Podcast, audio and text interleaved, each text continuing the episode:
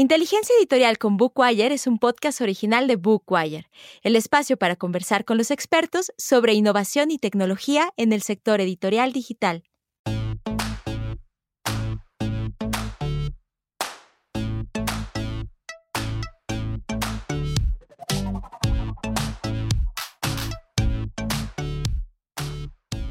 Hola, qué gusto que nos acompañen en un nuevo episodio de Inteligencia Editorial con Bookwire. Hoy nos conectamos desde Ciudad de México y Barcelona, donde me acompaña mi compañero Javier del Puerto, desarrollador de negocio y gestor de cuentas de Bookwire España, que, como recordarán, en el episodio anterior nos habló de blockchain. Bienvenido Javier, qué gusto estar aquí contigo. Hola, ¿qué hay? ¿Qué tal? Javier, ¿nos puedes recordar lo que tratamos en el último episodio? Claro que sí. En el episodio anterior vimos que el blockchain es una estructura de datos que se agrupan en bloques, estos bloques se encadenan unos a otros mediante técnicas criptográficas que validan y consolidan esta información, de modo que es inmodificable. Esta información es pública y anónima.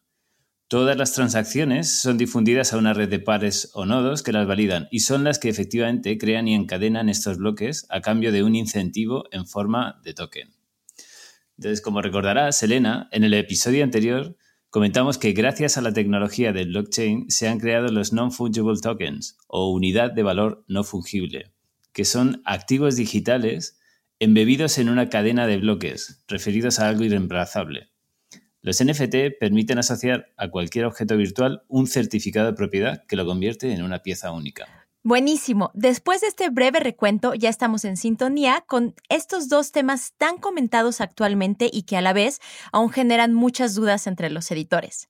Si aún no escuchan el segundo episodio de Inteligencia Editorial con Bookwire, les recomiendo que vayan a él, pues Javier y nuestros invitados hablaron a detalle sobre blockchain y explicaron qué son los NFT. Pero hoy vamos a concentrarnos en cómo podemos comercializarlos. Y para ello les presento a Berry Kiel, Business Development Manager de Bookwire Alemania, quien se conecta hoy desde la oficina de Frankfurt. Berry ha sido uno de los integrantes del proyecto Creatokia.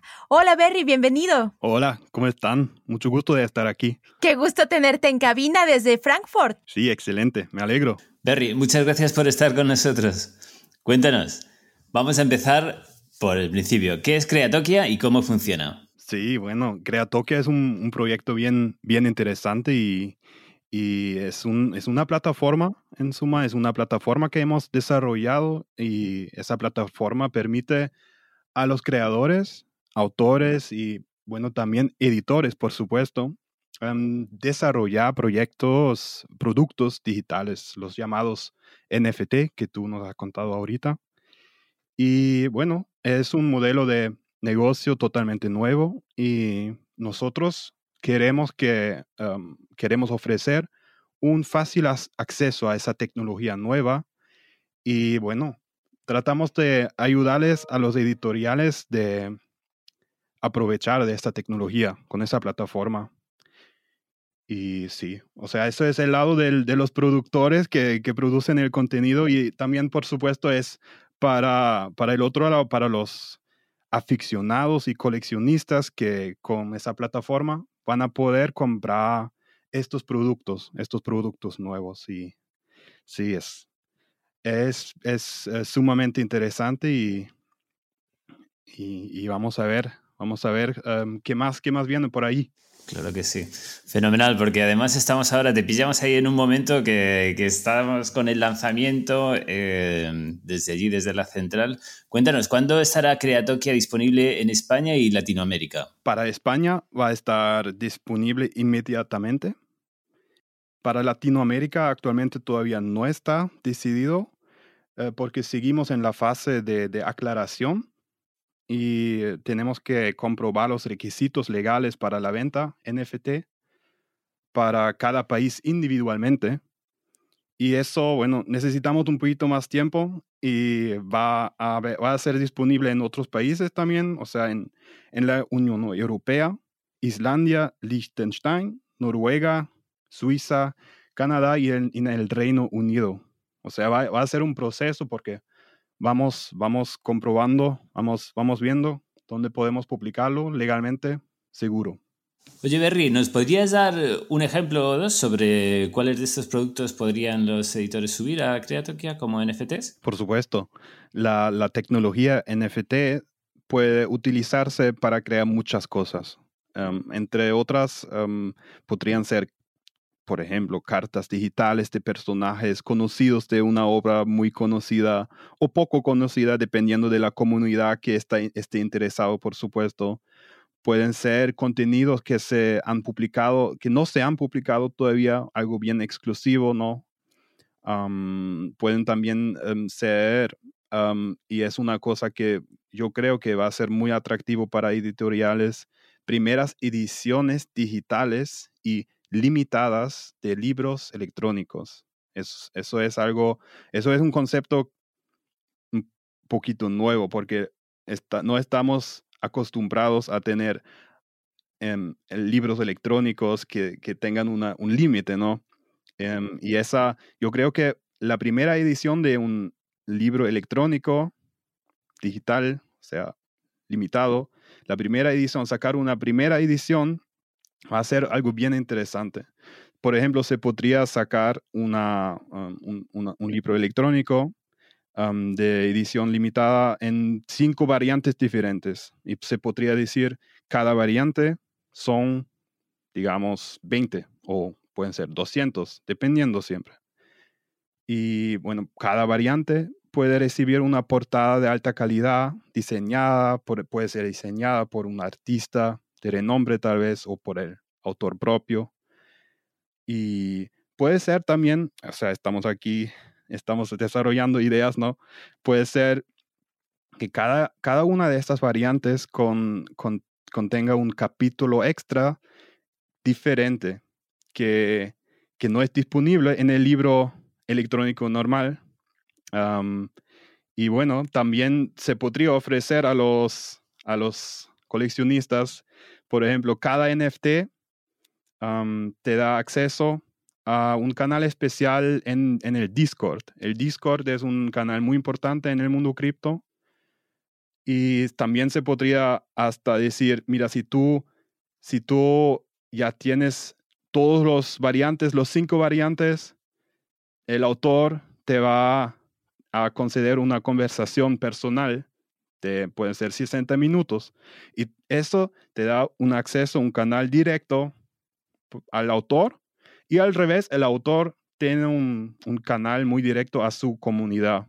Y ese sentimiento de exclusividad y de escasez también, eso es, eso es el encanto del NFT, del original digital, en nuestra opinión. Saldrá en beta, ¿verdad? Y luego ya habrá una siguiente fase en la que ya estará abierto a todo el público. Exactamente. El lanzamiento de la plataforma se hará en varias fases. actualmente, en el momento de la grabación, eh, tenemos una página de inicio y ya, ya un par de páginas de contenido muy informativo de cómo se puede hacer, cómo se puede publicar, qué es lo que es Creatokia y bueno, seguimos y continuaremos con la apertura oficial. queremos poco a poco abrirlo para, para, para, los editores, para los creadores. En un primer paso, vamos a abrir la plataforma con la venta del llamado Crea Token. Em, bueno, el Crea Token lo llamamos también la llave para Creatokia. La llave para Creatokia porque em, te da acceso si tú compras la llave, el Crea Token, te da acceso a la beta, a la beta de la plataforma, donde tú te puedes conectar ya antes de, del público, antes de, de todo el mundo, y vas a poder exclusivamente descubrir la plataforma. Creatoken definitivamente será una palabra que debemos tener muy presente porque se vienen cosas muy buenas. Y Berry, esto me lleva a preguntarte sobre libros electrónicos y audiolibros. Como sabes, nuestros editores digitales piensan siempre en estos dos formatos, así que cuéntame, ¿Creatoki está enfocado solo en ebook o también tiene lugar el formato sonoro? Sí, el formato sonoro es una parte muy importante de la plataforma.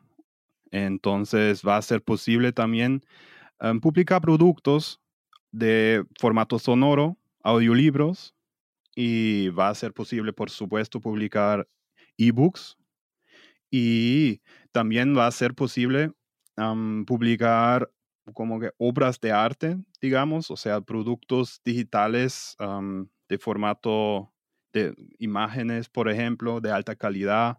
Son estos tres, son estos tres productos que vamos a poder, que se van a poder publicar en Creatokia.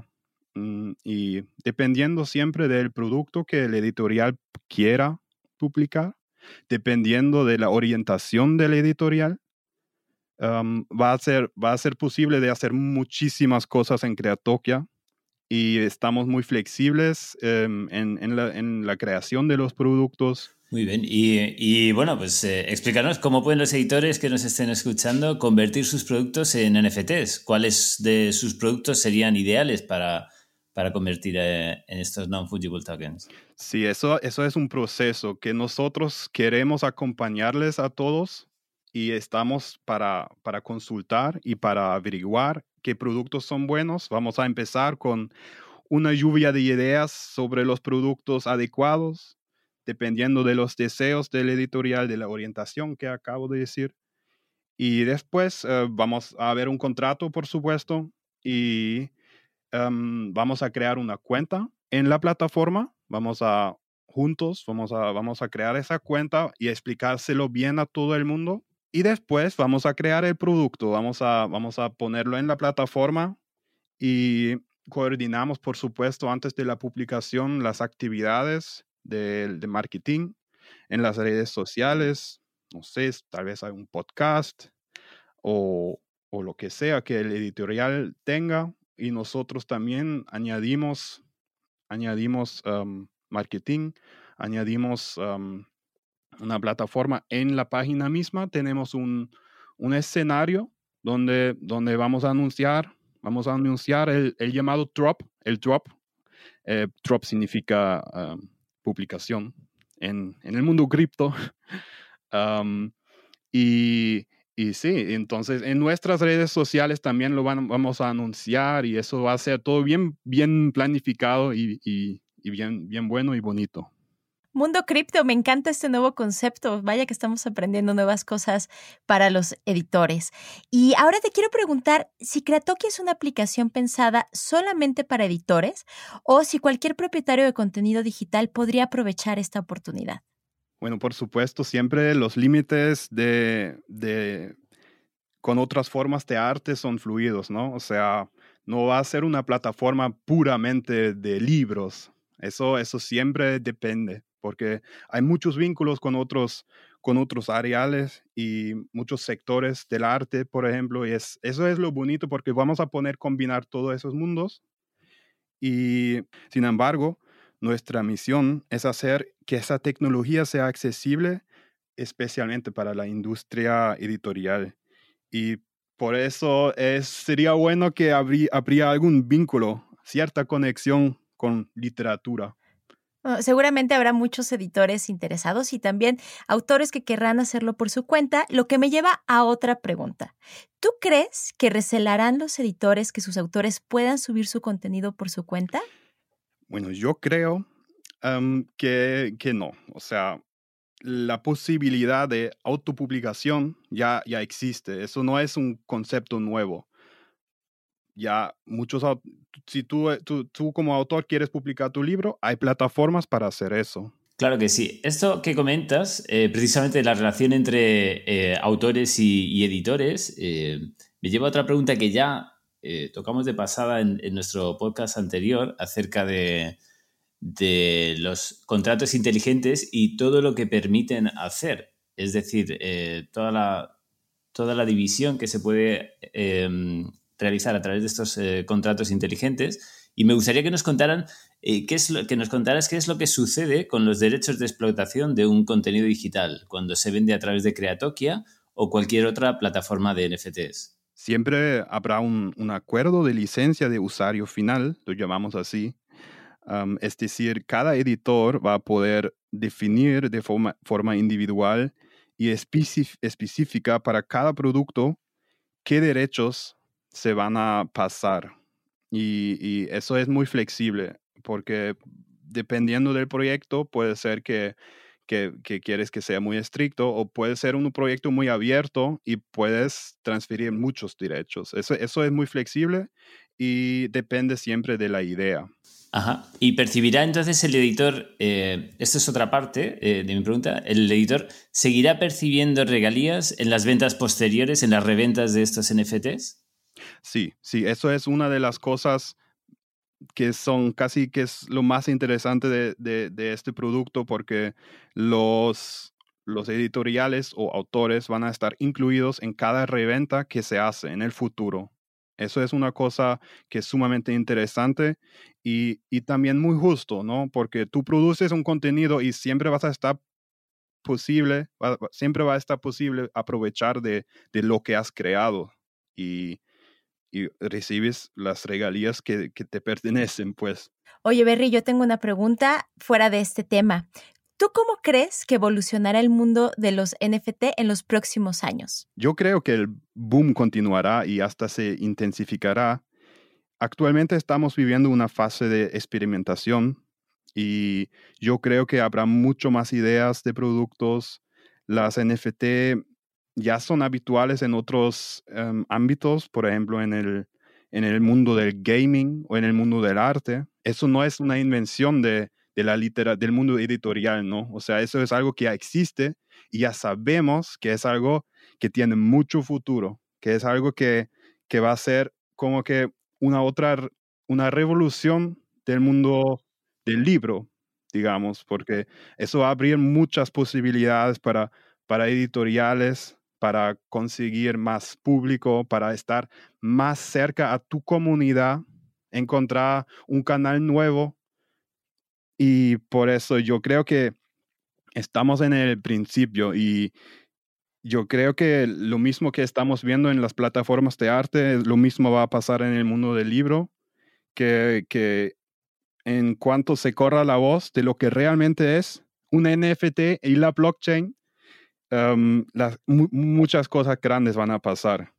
Eso, eh, eso era lo mismo con el Internet, ¿no? O sea, ya nosotros no sabemos explicar qué es el Internet, pero lo usamos como muy normal y a menudo todos los días. Y yo creo que se normalizará esa nueva tecnología y, y es un, un mundo nuevo. Buenísimo, digamos que Creatokia es solo el principio.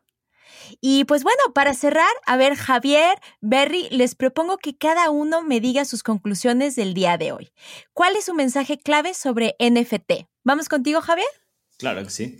Bueno, yo con lo que, con lo que nos ha contado Berry acerca de Creatokia y, y también, eh, sobre todo con, con, esto último que dice, ¿no? Estamos en, la, en, una fase inicial, estamos descubriendo, estamos probando cosas nuevas por, por todos lados y esto, además, añadido al, a algo de lo que también se está hablando mucho hoy en día, que son los metaversos, ¿no? con el famoso cambio de nombre de, Facebook. Yo creo que esto es algo que se va a entrelazar muy pronto, que de hecho, como decía Berry, ya, está, ya sucede así en el mundo de los videojuegos, en el mundo de los gamers, están muy habituados a utilizar eh, en metaversos, a comprar objetos, por ejemplo, pueden llamar skins o pueden ser armas o puede ser todo ese tipo de cosas eh, ya están muy habituados a hacerlo. Esto es algo que a lo mejor nosotros, yo por ejemplo, que no tengo nada que ver con el mundo del videojuego, no conozco bien, pues no he hecho nunca, pero eh, ahí ya se, ya se hace. Y es posible que los, los NFTs evolucionen eh, hacia este, dentro del metaverso para convertirse en objetos que, soportados por la red de blockchain, sean interoperables dentro de estos metaversos y al final sea el hecho de tener un NFT sea algo que nosotros, una propiedad nuestra, que podamos trasladar y que podamos utilizar y mostrar en todos estos metaversos. Entonces, en ese sentido, esa es mi conclusión, que estamos solamente al principio y esto abre un montón de posibilidades que yo creo que es algo súper interesante. Claro que sí, sin duda los editores sabrán aprovecharlo y ver cómo insertarse en este nuevo universo. Berry, ¿qué nos dices tú? ¿Cuál es tu mensaje clave sobre NFT? Yo creo que los NFT nos van a seguir acompañando en los años que vienen y se va, se va evolucionando el proceso de la creación.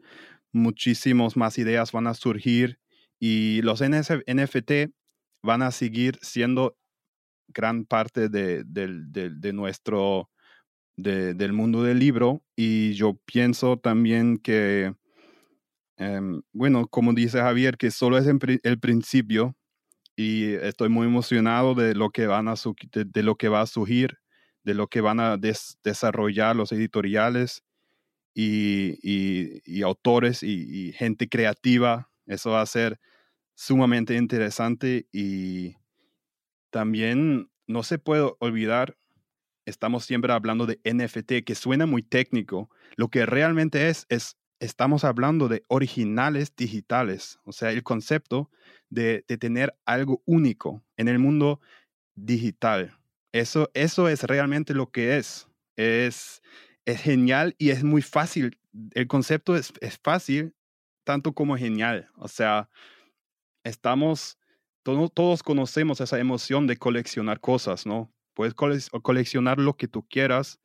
Em, tal vez siempre tienes esa conexión con ese objeto y, y ya es posible coleccionar libros de segunda mano, pero ¿por qué no es posible coleccionar libros digitales? Vamos a, estamos descubriendo este mundo nuevo para poder coleccionar, para tener esa emoción de estar coleccionando originales digitales y únicos. Dos conclusiones muy, muy alentadoras, sin duda.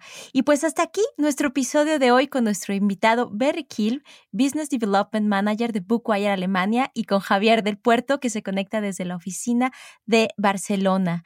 Muchísimas gracias por acompañarnos, chicos. Ha sido un placer conversar con ustedes. Bueno, muchísimas gracias por, por la invitación. Ha sido un placer hablar con ustedes sobre ese tema bien tan interesante. Gracias a ustedes dos chicos. Nos escuchamos en el siguiente episodio de Inteligencia Editorial con Bookwire. Hasta pronto. Dirigido por Elena Bazán. Diseño de audio y mezcla, Nico Rojas. Anfitriones de Bookwire, Javier del Puerto y Elena Bazán.